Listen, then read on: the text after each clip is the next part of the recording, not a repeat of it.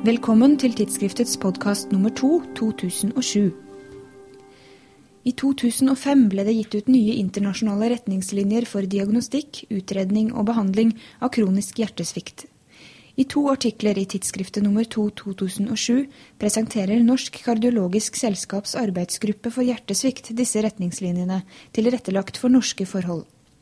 Førsteforfatter Marit Årenes, som er stipendiat ved hjertemedisinsk avdeling ved Rikshospitalet, sier de har gjort flere viktige oppdateringer og forandringer. Det som har kommet nå, er jo at man anbefaler um, medikamentell behandling med angiotensin 2-blokkere litt tidligere enn man gjorde. Og at man sier at man kan, hvis pasienten ikke tåler det, eller ikke har god effekt av ACMR, kan legge det til. Det har en mye tyngre indikasjon enn det hadde tidligere. En annen anbefaling er jo også at pasienten skal trene. Før så var man veldig forsiktig med å anbefale trening hos hjertesviktpasienter, men nye studier har vist at de har god effekt og glede både på overlevelse og livskvalitet av å trene. Så har det også blitt sterkere indikasjoner for um, behandling med implanterbare resynkroniseringspacemakere. Så um, legger man mindre vekt på røntgenbildene måling av de natriuretiske peptidene de vektlegges mer. Man anbefaler at de fleste får tatt det som kalles BNP, eller NT-pro-BNP. Hvis du har et veldig lavt tall der, så kan man nesten utelukke at du har hjertesvikt. Kronisk hjertesvikt rammer omtrent 2 av den voksne befolkningen. Den alvorlige tilstanden har flere mulige årsaker. De aller viktigste årsakene er kronisk koronarsykdom, altså arteriosklerose i kransårene rundt hjertet, som gir dårlig blodforsyning til hjertemuskelen, eventuelt infarkt, og ubehandlet eh, blod, høyt blodtrykk over lang tid. De to uh, årsakene dekker 75-80% av alle tilfeller med, med, kronisk hjertesvikt. Så har man også litt mindre grupper som uh, kardiomyopatier pga. Uh, toksiske påvirkninger som alkohol eller cellegift, og um, infeksjoner. da. Dere beskriver en uh, rekke utredningsmetoder. Hvordan kan og bør pasienter med kronisk hjertesvikt utredes?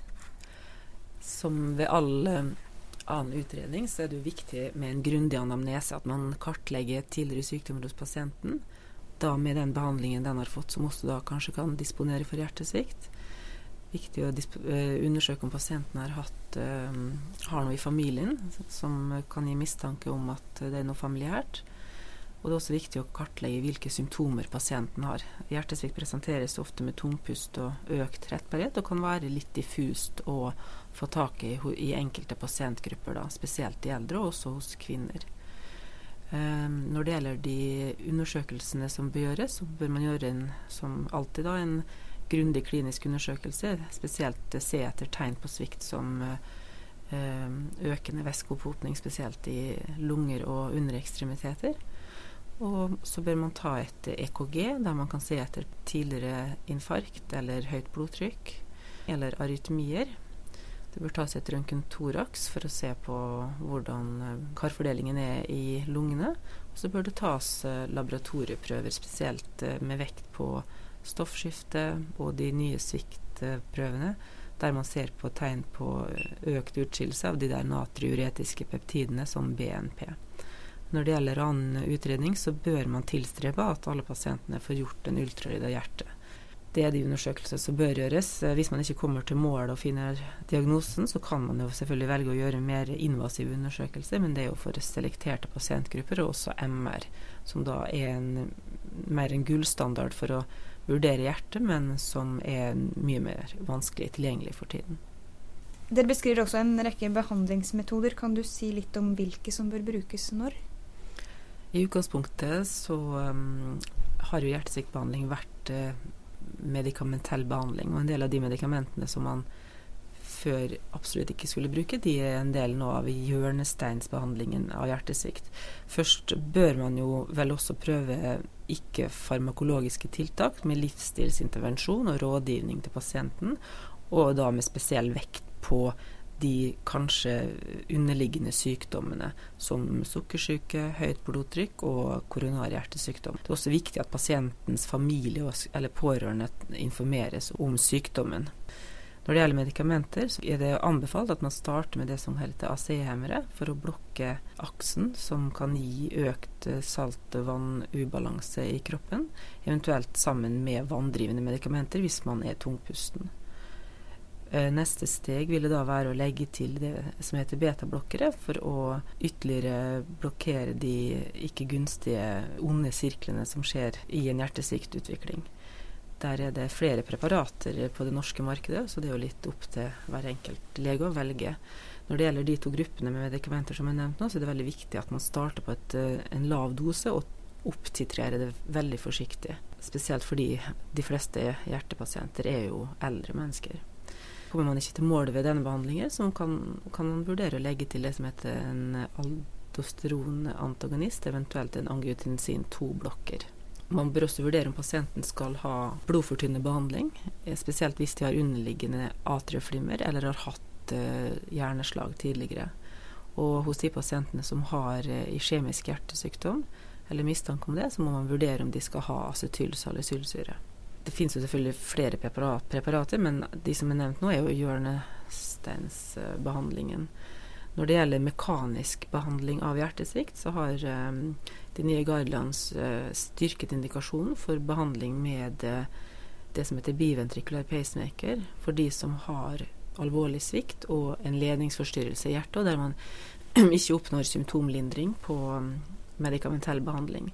Og hos uh, alle de her bør man også vurdere om det er indikasjon for å legge inn en hjertestarter. Langt fra alle skal ha det, men det bør bare i hvert fall vurderes. Når det gjelder hjertetransplantasjon, så er det for mange siste utvei når man ikke med mekaniske hjerter eller medikamenter og virkelig intensiv behandling ikke kommer videre. God hjertesviktbehandling krever et godt samarbeid mellom primær- og spesialisthelsetjenesten, og pasientens fastlege er en viktig ressurs i denne behandlingskjeden. Han må jo på en måte sammen med pasienten være knytepunktet i det her. Og det som er veldig viktig, er at han har en god kommunikasjon med pasienten, men også at hvis pasienten blir henvist til eh, andre utredningsinstanser, at fastlegen får rask og skriftlig tilbakemelding. Man vet en del både om utredning og behandling av kronisk hjertesvikt, og dagens forskning er fokusert mest på bakgrunnen til at sykdommen oppstår. Det man eh, forsker mye på, er å forstå de grunnleggende mekanismene for hjertesvikt. Altså hva som skjer når en i utgangspunktet positiv prosess utvikler seg til å bli en vond sirkel, slik at veldig mye av dagens hjertesviktforskning foregår innen molekylærbiologi. En ting er å forstå de mekanismene som ligger under, og det andre å finne mulige angrepspunkt for eventuelt farmakologisk terapi. Man har også begynt å se på de omliggende faktorene som f.eks. lav blodprosent, altså anemi, som ofte ledsager hjertesvikt. Om det kan være et mulig terapeutisk mål og også andre måter å behandle en sviktende venstre hjertekammer på. Spesielt hvis man har eh, det man kaller asynkroni, at hjerteveggene trekker seg sammen på forskjellige måter. Så har man forsøkt å kartlegge om det er mulig og med f.eks. elektrisk stimulering med pacemakere kan bedre pumpekraften. Det foregår også en del forskning da innen de der mekaniske hjertene som man bruker enten for å støtte til pasienten skal transplanteres, eller istedenfor en transplantasjon. Takk for at du hørte på tidsskriftets podkast. Vi høres igjen om to uker.